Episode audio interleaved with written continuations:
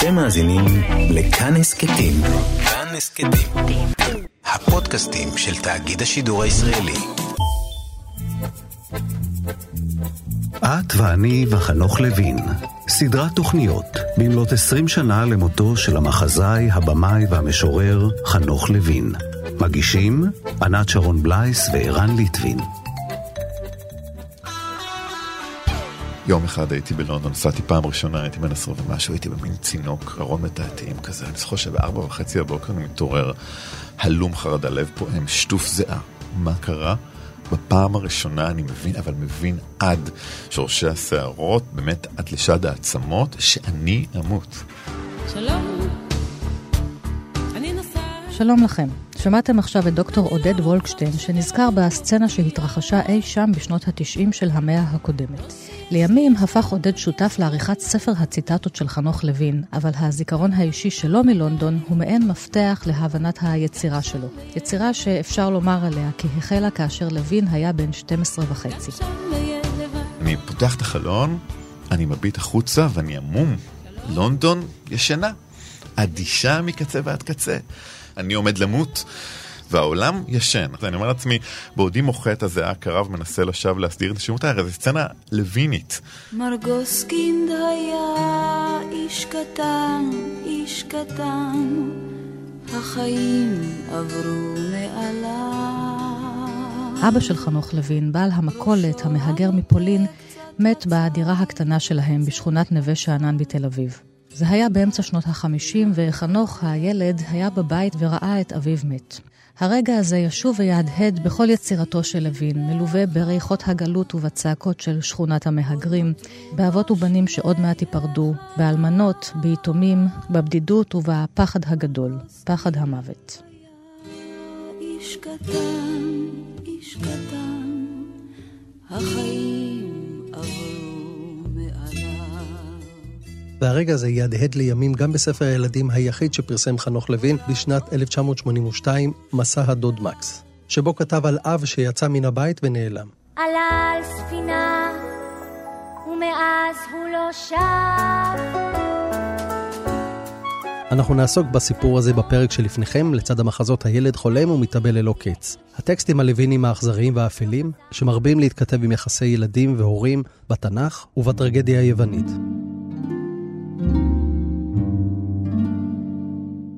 עשרים שנה עברו מאז לכתו של המחזאי הישראלי החשוב מכולם, חנוך לוין, האיש ששינה את פניו ואת שפתו של התיאטרון הישראלי. בסדרת התוכניות שלפניכם ביקשנו ממרחק הזמן לעסוק במוטיב המרכזי ביצירתו, המוות. ביקשנו לקלף את הצחוק, אולי את הבידור, ולהגיע לגרעין של הכתיבה שלו. חנוך לוין יש לו גם את זה וגם את זה, יש גם את הפאתוס המטאפיזי וגם את המבט האירוני הספקני שפוער את חלל התעודה הזה ומיד מצמצם אותו לממדים של, של, של צימוק. קשה לסכם במשפט אחד את הפואטיקה של חנוך לוין, אבל אם ננסה, אפשר לומר שהוא כתב על הריקבון האנושי במופעיו השונים, והפך אותו למלאכת החיים שלו. כל פרק בסדרה שלנו יעסוק בהיבט אחר של המוות ביצירות של לוין. מוות של ילד ומוות של אב או אם, מוות שנגרם בעקבות הסכסוך הפוליטי, המוות שבמערכות היחסים הבעייתיות והמורכבות של לוין בין גבר ואישה, הפחד מהמוות שמעסיק את גיבורי מחזותיו, ולבסוף הכתיבה על מותו שלו. שמים את אבא במקום שקט בחלקה קטנה שבו בא. בפרק זה נתמקד במותו של אב המשפחה, ומנגד במותה של הילדות, שמתגלמת במותם של ילדים, אולי הטרגדיה הגדולה מכולן בקיום האנושי.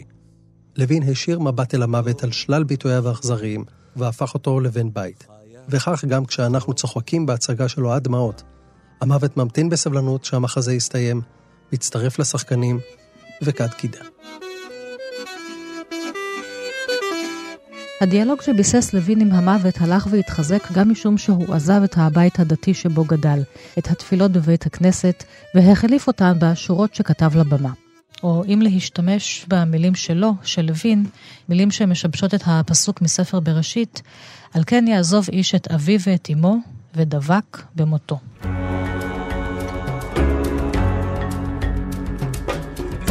יש שינה חלומות. לפני שנתיים נרדמה, ומאז לא קמה עוד. יש משהו ב... שהוא לא בהכרח מאפיין את היצירה של חנוך לוין, אבל איכשהו נשאר בתור איזושהי קריקטורה שזה מין איזשהו לחן שמח לטקסט שאומר משהו איום ונורא. זאת הסכנה במורשת של היוצר הבאמת ענק הזה, וזה חבל. זה לא באמת מה שהוא כתב. זה המוזיקאי אסף תלמודי, שהפיק בשנת 2014 את האלבום "היספיקו החיים", המוקדש כולו לשירים של חנוך לוין בלחנים חדשים, שמציעים לחזור למקור של הטקסטים שלו, למוות ולאובדן. אז חשבתי שאם אנחנו נמצא, נתרכז יותר בטקסטים שיש בהם אה, סוג אחר של אה, תוגה, או סוג אחר של אה, מחאה שהיא פחות גרוטסקית, אה, יותר אקזיסטנציאליסטית. יש שינה עמוק, בלי חלומות. האלבום נפתח עם השיר "היא ישנה עמוק" שהלחין ושר יוני רכטר. ישנה בלי חלומות, והשיר הזה מוביל אותנו לילד ישן אחר, במחזה "הילד חולם". ויש חלום אחד ממנו לא מתעוררים. המחזה הזה הוצג בתיאטרון הבימה בשנת 1993. הוא נפתח בתמונה של ילד ישן שהוריו מתבוננים בו. כמעט מתפללים שיישאר כך, שלא יתעורר. אם ניזכר בסצנה הראשונה של ילד חולם, אולי נקרא אותו תכף, הוא מכניסה אמביוולנטיות מזעזעת למחזה הזה. רואים אותו בדרך כלל כמחזה, ובצדק, אה, אה, טרגי, היסטוריה, שואה ברקע ודברים אחרים. אבל יש שם סצנה שההורים, נקרא אותה עוד שנייה, מביטים על הילד ישן, שבשנתו פיו פעור כאילו הוא מת. עם הרדמו הופך הילד לאהוב עלינו לאין קץ. שקט, פיו פעור בחוסר ישע, מזכיר לנו, כך ייראה אם ימות. רגע קודם עוד כעסנו על המולתו ופטפוטיו. רגע אחר כך כמעט בוכים מגעגועים לרעש המתוק מפי הילד הנושם קצובות, שקוע בשלו.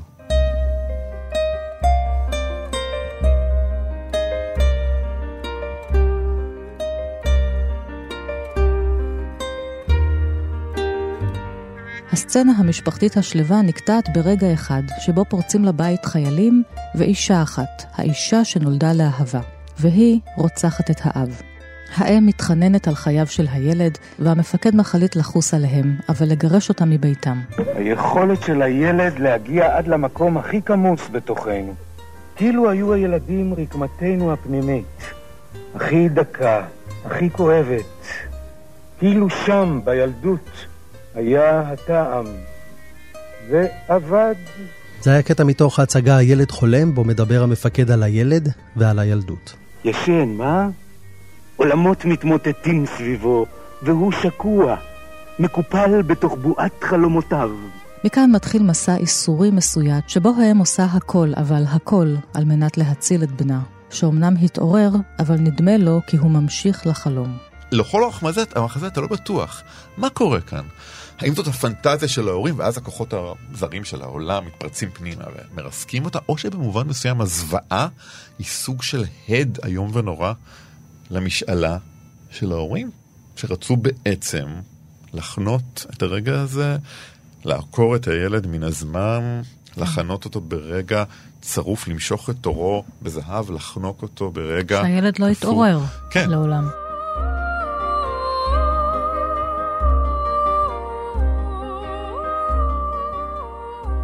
המחזה מבוסס על סיפורה האמיתי של האונייה סנט לואיס, שעליה עלו יהודים וביקשו לברוח מגרמניה לכיוון קובה. אלא שהפליטים נאלצו לשוב אל עקבותיהם, כשאף מדינה לא הסכימה לקבל אותם.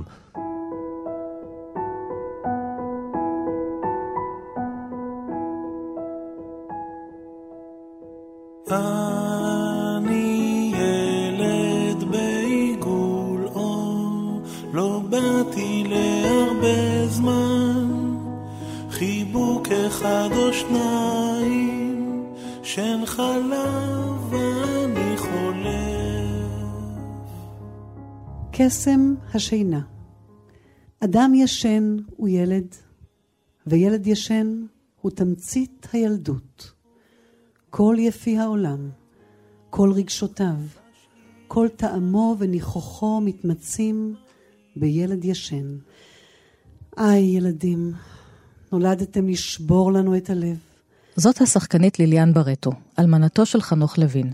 שאלנו אותה איזה מחזה שלו היא הייתה מצילה, לו הייתה עומדת מול סיטואציה כזאת. היא ענתה מיד, הילד חולם. כל ההתייחסות של חנוך לילדים, למוות, למוות של ילד, לסכנה כאימא אמ, לאבד ילד, הנושא הכל כך אה, רגיש וכואב הזה, והאופן שבו הוא התעסק בו, ו, וגם בו, כל ההתעסקות בילדות, בילדות, ב, בדבר הכל כך אה, בסיסי הזה, וה, שכל כך קשה לדבר עליו. חנוך הצליח לכתוב על דברים שכל כך קשה לתאר אותם במילים, וכן אני אגיד משהו אה, אישי, שכשהבן שלי נולד, אה, הבן של, של חנוך ושלי, אה, נולד, ו, וחנוך עמד איתו בכניסה לחדר הלידה, והסתכלתי על שניהם, והטקסט הראשון שעלה לי בראש היה מהילד חולם,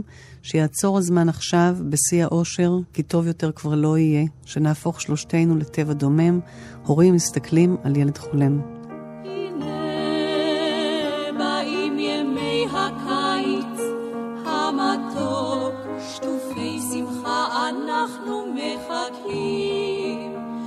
היום ארוך, הלילה עוד רחוק, אך כבר אנחנו מתחילים לדאוג. היספיק לנו הקיץ, היספיקו החיים. כשמאבדים מישהו קרוב, זה טקסט שמדבר, אני חושבת, לכל מי שחווה את החוויה הקשה הזו. אה, האימא אומרת, אחרי שהאבא מת, אה, יורים באבא, ואז האימא אומרת, הייתה תקופה שלא הכרתי את האיש הזה שהפך לבעלי. כשהייתי ילדה קטנה, האם ידעתי מיהו? לו היו מורים לי עליו ברחוב, זה יהיה פעם חתנך. אותו פעם תאהבי. הלא הייתי צוחקת. אקרא לתקופה הזאת. חזרי, חזרי. חזרי ילדות מאושרת, בה לא ידעתי את אהבתי לעתיד. חזרי ילדות רוויית שמש וצהלה, ואדישות מוחלטת כלפי האיש הזה, אהוב ליבי המת. בואי ריקנות, מלאי את ליבי.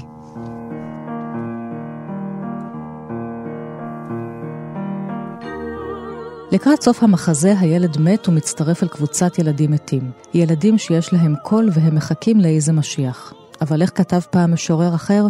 משיח לא בא, משיח גם לא מטלפן. אנו הילדים השקטים שבעולם, הילדים המתים. אני ילד בעיגול והנה אנחנו מגיעים לספר הילדים מסע הדוד מקס. גיבור הסיפור הוא הילד מקס, שאביו יצא בוקר אחד מן הבית ולא שב. כשמקס גדל, הוא יוצא לחפש אחריו, והמסע האודיסאה הזה הופך לחשיפת מקור המלחמה בעולם. אותה הוא מוצא למרבה הפלא במקום האחרון שהיינו חושבים עליו, בקרקס.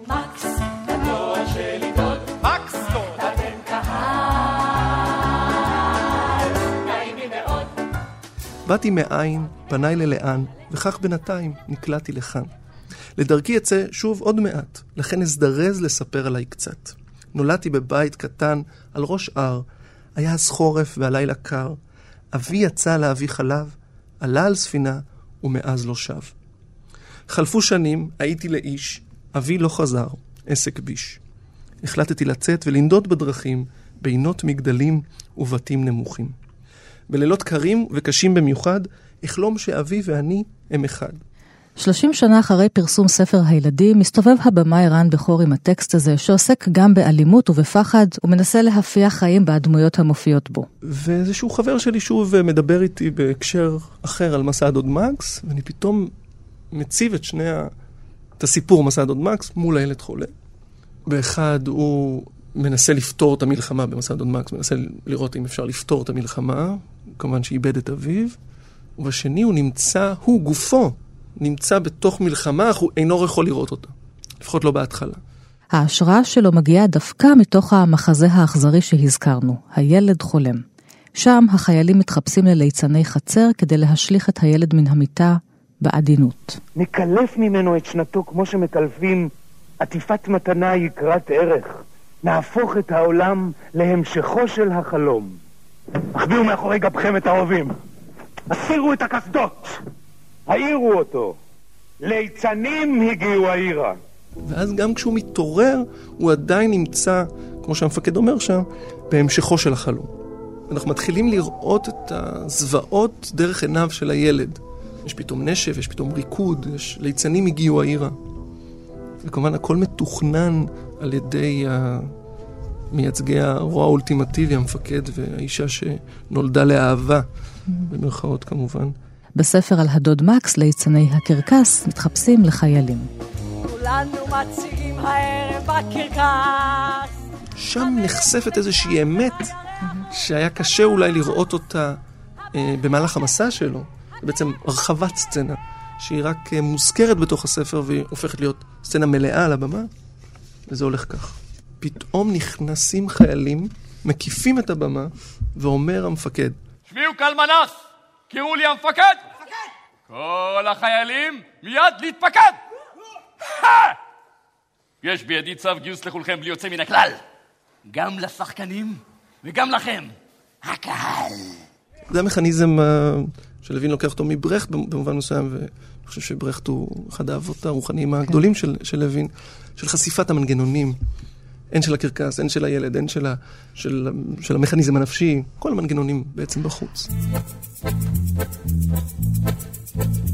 אבל עד שהוא מגיע לקרקס, מקס פוגש בכל מיני שליטים ויצורים כמו המלך צבלונה והקיסר קרשינה, שזורים הרס ומוות.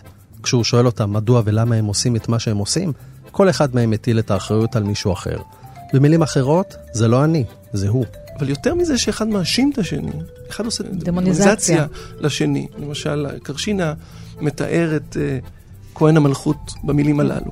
שבעים צלקות על פני הכהן וחומר נפץ בנקודות החן. הוא אוהב לקום לכל תרועות קרב ולכל בכי יתומים ללכת לשכב. באמת, תיאור מזעזע של דמות נוראה. כן. שמקס פוגש אותו, מדובר על איזשהו בחור שמגדל אה, תרנגולים למטבח הקיסר, הוא לא יודע מה מדובר בכלל. כשמבלים קצת עם צבלונה, קרשינה או דמויות נוספות, מגלים שהן די עלובות. אבל הכסות הזאת אינה מונעת מהן לעשות את המעשים הנוראים ביותר. פה אני חושב שלוין, הגאונות שלו יוצאת. העליבות הזאת מחביאה אלימות קשה, או כמו שיונג אומר, המבנה הכוח של הסנטימנטליות זה ברוטליות.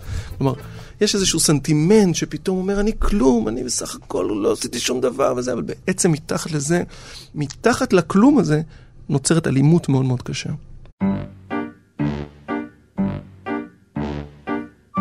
ואפשר לקחת את זה למקום הביוגרפי של חנוך, בעיניך?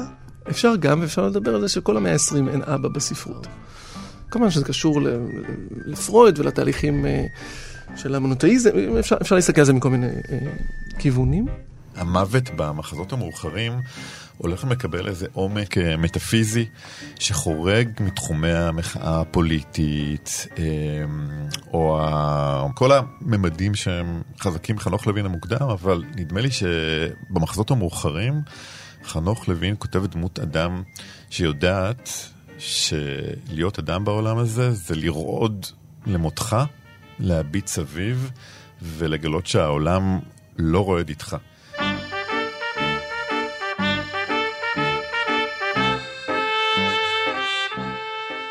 לוין כתב על מות ילדים גם במחזות שבהם שזר חומרים מן התנ"ך ומהטרגדיה היוונית, מחזות המיתוס שלו. ביניהם אב שאוכל את בנו במחזה הזונה הגדולה מבבל. לצד המחזות שלו, ישנה גם חטיבת שירים, שאותה כינה באירוניה שירי ילדים. אלא שלמעשה מדובר בסיפורי מוות נוראים שעטופים בחרוזים מתקתקים ומצחיקים.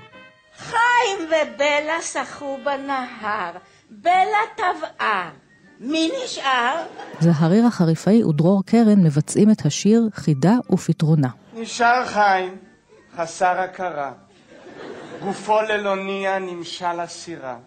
משם חיש חיש של בית החולים, צינור חמצן בפניו הכחולים. הגוף מפרפר קצת, יום, יומיים, וביום השלישי, לא בלע, לא חי.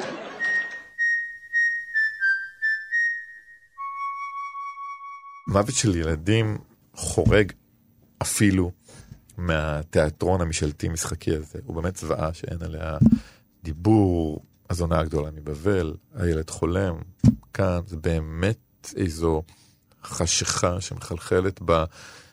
אפשר להתחיל עוד קודם במוות של הילדים, של הנערים, של ה... כן. ב- במחזות הפוליטיים. המוקדמים. זאת וריאציה על אותה, אה, אותה עתיק עקדה, ומתמשך, אותה עקדה. כן. את השיר, פנים של ילד באגם, בחר אסף תלמודי להלחין בעצמו. שיר מצמרר שאפשר למצוא בו כמה פנים של משמעות. ילד מת באגם, או יצירה שמנסה ללכוד את החיים, אבל בעצם כל מה שהיא מצליחה לעשות הוא ללכוד את המוות. פנים של ילד באגם לא משתקפים הפנים עצמם נגרפים בזרם בהילוך איטי למעלה עננים שתים כל אומן, אה, אני מניח, מתחבט בין הטכניקה של הדימוי האומנותי לבין הרצון להגיד משהו אמיתי. זה שוב המוזיקאי אסף תלמודי. חנוך לוין לוקח את זה לצורה הכי קיצונית. זה, והפוך על הפוך, זה אחד הדימויים הכי קיצוניים לרצון של יוצר להימנע מדימוי ולגעת במציאות. העניין הזה של הפנים של ילד באגם שהם לא השתקפות, זאת אומרת הילד הוא באמת בתוך האגם והוא באמת מת. יש משהו קצת מטורף בלהזדקק לסיטואציה שבה ילד תובע כדי להגיד את זה, יש משהו באמת בכתיבה של חנוך לוין שהוא קיצוני מהבחינה הזאת. לא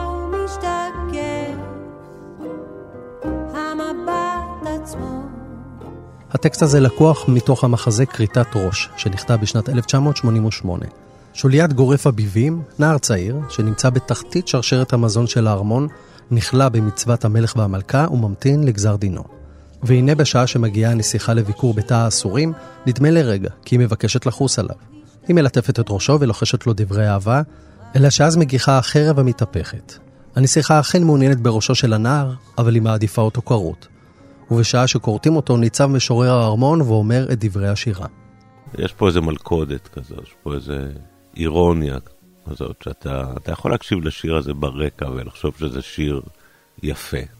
אה, כמו שאתה יכול לקרוא את, ה, את הטקסט הזה בחופזה ולחשוב שזה טקסט אה, יפה, ארס פואטי כזה, מדבר על החוסר יכולת של כותב לגעת במה שהוא מנסה לתאר.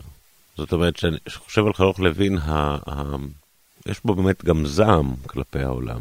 אה, זה גם, יש פה צד שהוא לא, לא מסתפק בלהבין שהעולם הוא קשה ובעייתי, הוא ממש מקלל אותו באיזשהו אופן. נכון, בשיר כזה זה כאילו, הוא יוצא מאוד בעדינות, אבל זה, יש פה הרבה כעס.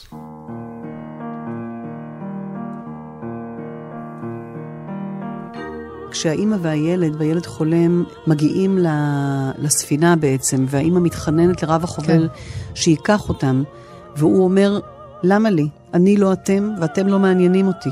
וזאת שוב ליליאן ברטו, שקוראת מתוך הילד חולם. האם, יש לך ודאי ילדים משלך. רב החובל, שניים, ועוד אחת הייתה ומתה, בת שלוש. האם, בת הזקונים? רב החובל, כן. התאבלתי עליה בזמנו מאוד. חשבתי שהחיים אחרי מותה לא יוכלו להימשך. הם נמשכו. אינני יודע בעצמי איך. האם, חשוב עליה שוב והבט בילדי. רב החובל, אני לא יכול לחשוב על ילדתי המתה לפי הזמנה כשלמישהו אחר נוח. יש מועדים להיזכר בה. יש יום פטירה, ימי חג וזיכרון. כעת יש לי עבודה, אני עסוק. אבל אמרי לי, זה מטריד אותי. למה שילדתי שלי תמות וילדך יחיה? ואיפה את היית כשמתה? לא שמעתי אותך צועקת ומתפללת אז. הזדווגת עם בעלך ושתית יין כשילדתי גססה לי בידיים. האם, עשה חסד, אתה מענה את עצמך ואותי לחינם. הדיאלוג בין השניים מזכיר מחזה אכזרי נוסף של לוין, העוסק במות ילדים. מתאבל ללא קץ, שנכתב בשנת 1992. מלך שאיבד את בנו, משחזר מדי שנה בטקס אכזרי את מותו של הילד, כשהוא בוחר לתיאטרון המוות הזה ילד חי, שסופו ידוע מראש. גם במחזה הזה, הילד משלם את המחיר של אב שאינו מסוגל להתמודד עם מה שאירע בחייו, כשהוא למעשה עוקר את עצם הילדות מן העולם. מערכה ראשונה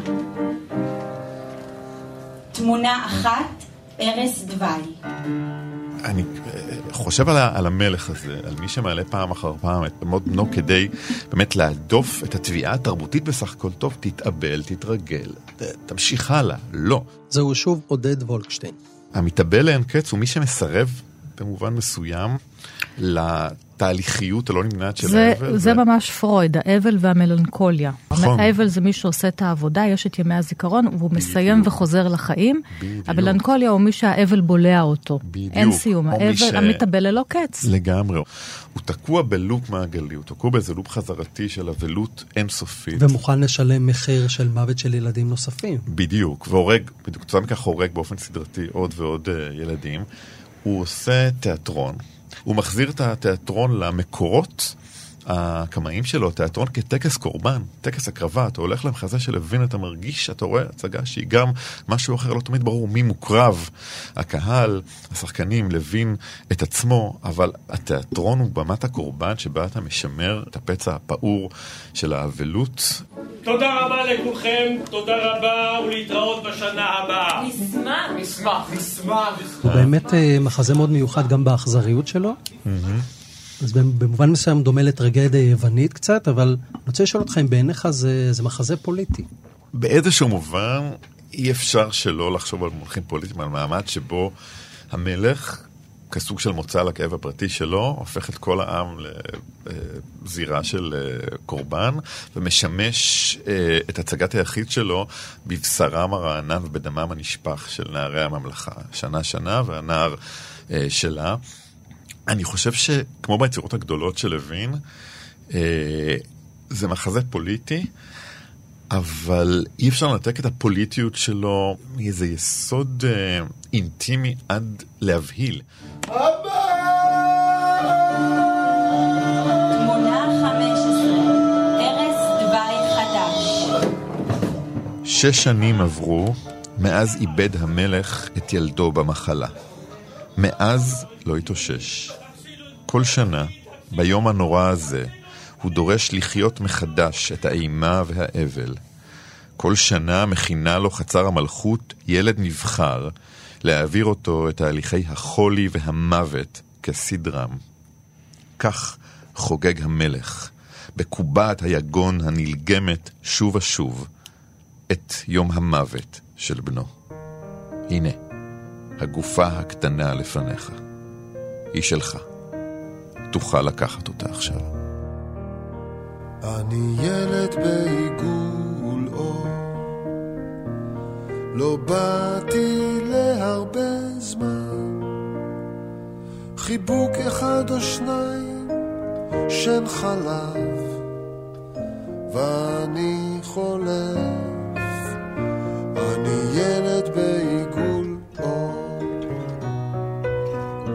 עובר כמו נשיבת הרוח. משאיר יבשה בין העלים, מרעיד לב, אני ילד בעיגול.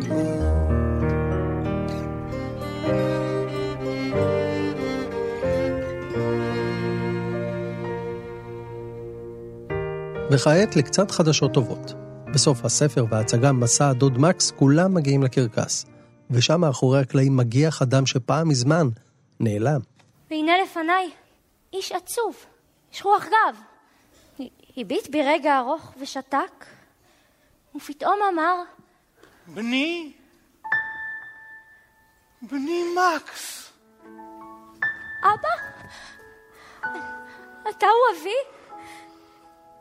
פעם מותר לשאול מה אתה עושה בקרקס?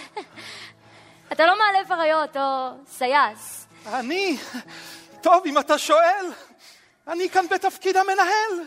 והוא אומר לו, לילד שלו, נדדתי עד שאמרתי די, החיים הם קרקס, הקרקס הוא חיי. כן, יש, יש פתאום, אה, לוין מייצג, מייצר עבור הילד איזשהו, בכל זאת איזשהו עולם בטוח, בעוד שהאבא דווקא ביולוגי, אפרופו עולם בטוח, הוא שורש הרע. אבל אביו של מקס, או בזהותו החדשה, מנהל הקרקס, אינו מסתפק בהאכלת אריות ופילים ומתיחת חבל הלוליינים, אלא מתברר כי הוא זה השולט בכל השליטים האכזריים. הוא-הוא האחראי לכל המוות והמעשים הרעים, ודווקא בשבתו בקרקס, במקומם של הילדים. אני מקריא את השורות האחרונות של הסיפור. בכל זאת הוא נותן ציטוט תיאולוגי מהתנ"ך, שימו לב. הבוקר הוצפה כל הארץ זיו, אנשים ברחוב שוחחו על האביב, וגם על הדוד מקס שנדד בדרכים, להציל ממלכה, ומצא את אביו. לוקח את שאול פתאום, כן. אה, חיפש אתונות ומצא מלוכה, אבל, אבל שימו לב, מה, מהו השולי ומהו המהותי? להציל ממלכה זה אתונות. המהות זה למצוא את האבא. זה המלוכה באמת. כלומר, כל הסיפור מספר על מלחמה, אבל בעצם הוא אומר בסוף לוין, לא, כל הסיפור מספר על מציאת האבא.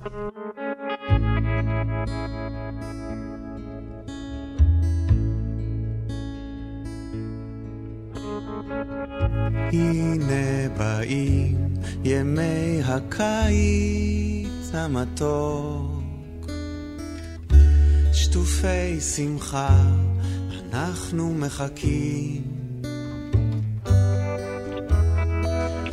היום ארוך, הלילה עוד רחוק, אך כבר אנחנו מתחילים לדאוג.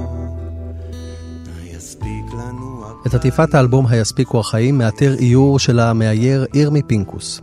רואים בו ילד שגורר אחריו מזוודה, כאילו הוא יוצא למסע. הדימוי הזה הוא לטעמי הוא די, די מושלם, ל...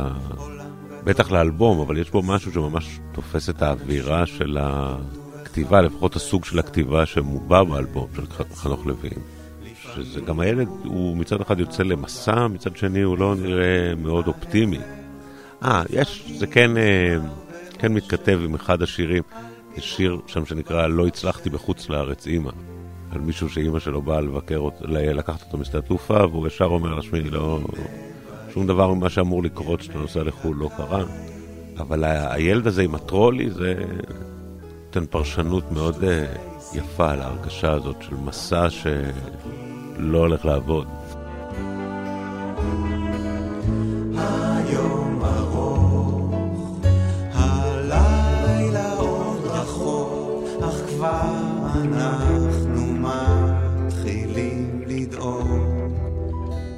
בכלל השיר הזה, הספיקו החיים, שאיתמר רוטשילד אה, הלחין, והוא הוא, הוא בעצם קומבינציה של טקסטים מ, משני מקומות שונים. בסופו של דבר השיר שאני הכי אוהב בפרויקט הזה. זה השיר שנקרא ימי הקיץ, ובו יש את השורה יספיקו החיים. והשאלה הזאת עצמה, איכשהו, איכשהו מצליח אה, אה, לשיר אותה, זה מצמרר.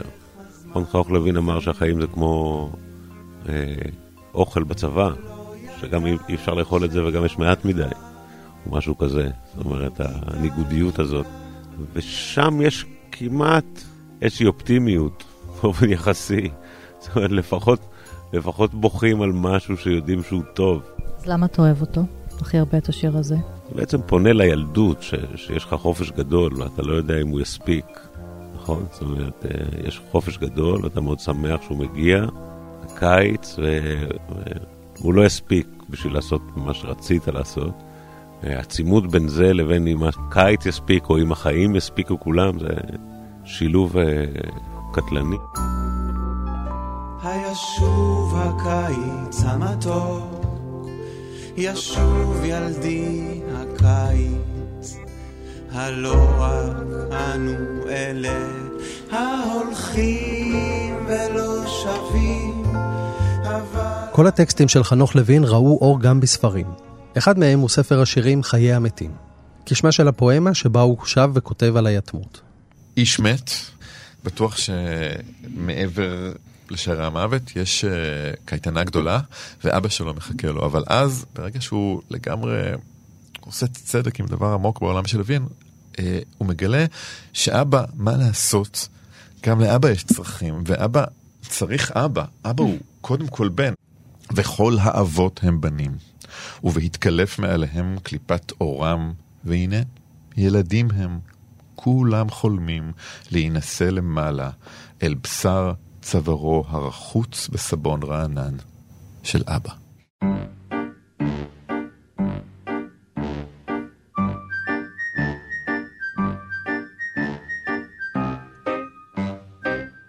אבל אני חושב שהמוות הוא גם, הוא גם משהו אחר. העולם הלוויני, העולם של, של לוין אה, מייצג, הוא תיאטרון במובן הזה שזה עולם מתופקד עד כלות. כל אחד מגלה משהו, כל אחד שבוי, כל אחד, הפנים שלו אה, אה, מחוצות ממש אל המסכה המהודקת אליהם. ובמובן הזה זה עולם של אה, תפקידים. אין כמעט מוצא, במובן הזה זה תיאטרון על עולם שאיננו אלא תיאטרון, וגם הכסיסה שלך במובן מסוים כבר מתוזמרת על פי מפתח זר. יספיק לנו הקיץ, היספיקו החיים. אבל יש תחושה אצל לוין שיש איזו תביעה ברקע, מתי כבר נשתחרר מהגינונים המפרכים, מגינוני הטקס המפרכים, מעבודת התיאטרון האיומה והנמשכת של חיינו, תיאטרון שאי אפשר אלא לעשות עליו תיאטרון, היא פועמת כל הזמן ברקע כאיזה סוג של שלילה ענקית של הכל. והמוות, או העין, הוא סוג של מקום לא מקום, או תביעה מטאפיזית, אם לא לסוף המחזה, אז לפחות ל... ל... להפסקה. העץ הוא גבוה, העץ הוא ירוק. הים הוא מלוח. הים הוא עמוק. אם הים הוא עמוק, מה אכפת לו לעץ? מה אכפת לו לים? שהעץ הוא ירוק. בשנת 2013 עלה המופע אוי אליאס אליאס. ליליאן ברטו הזמינה את השחקנים מוני מושונוב ודרור קרן לבצע מערכונים ושירים של לוין. בין היתר הם בחרו את אחד השירים הידועים שלו, מה אכפת לציפור, והשיבו אותו למצבו המקורי. הם הפשיטו ממנו את הלחן המוכר, ולפתע משהו אחר בצבץ מבין שורות הטבע העדינות. העץ הוא גבוה, העץ הוא ירוק. יפה הציפור, היא תעוף לרחוק. אם תעוף הציפור, מה אכפת לו לעץ? מה אכפת לציפור שהעץ הוא ירוק? הים הוא מלוח, הים הוא עמוק. יפה הציפור, היא תעוף לרחוק. אם תעוף הציפור, מה אכפת לו לים?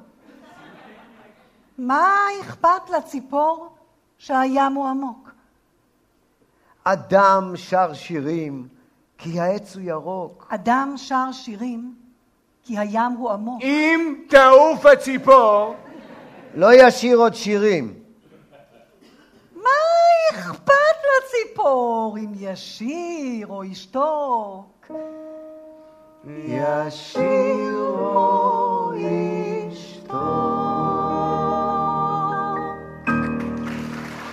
עד כאן הפרק הראשון בסדרת התוכניות "את ואני וחנוך לוין".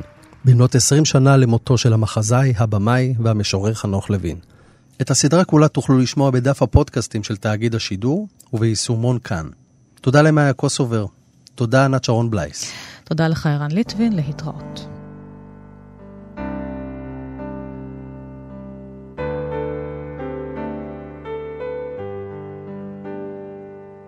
שוב לא יהיה לי.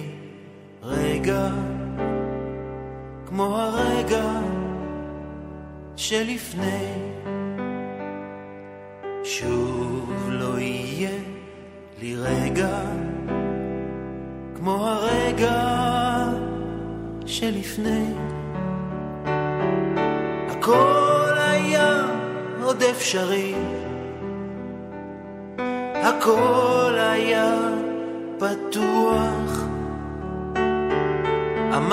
עמדתי בגשם וחיכיתי לך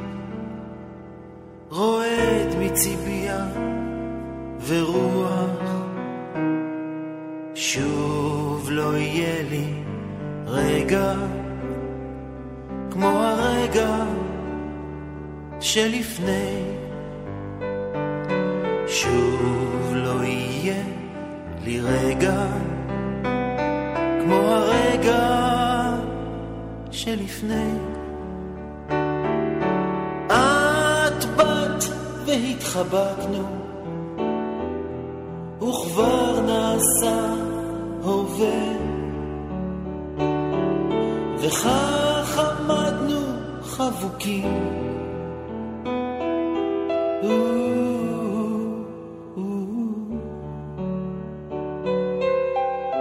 ואיפה הגשם? ואיפה הרעד? ואיפה את בטרם באת? שוב לא יהיה לי רגע כמו הרגע שלפני.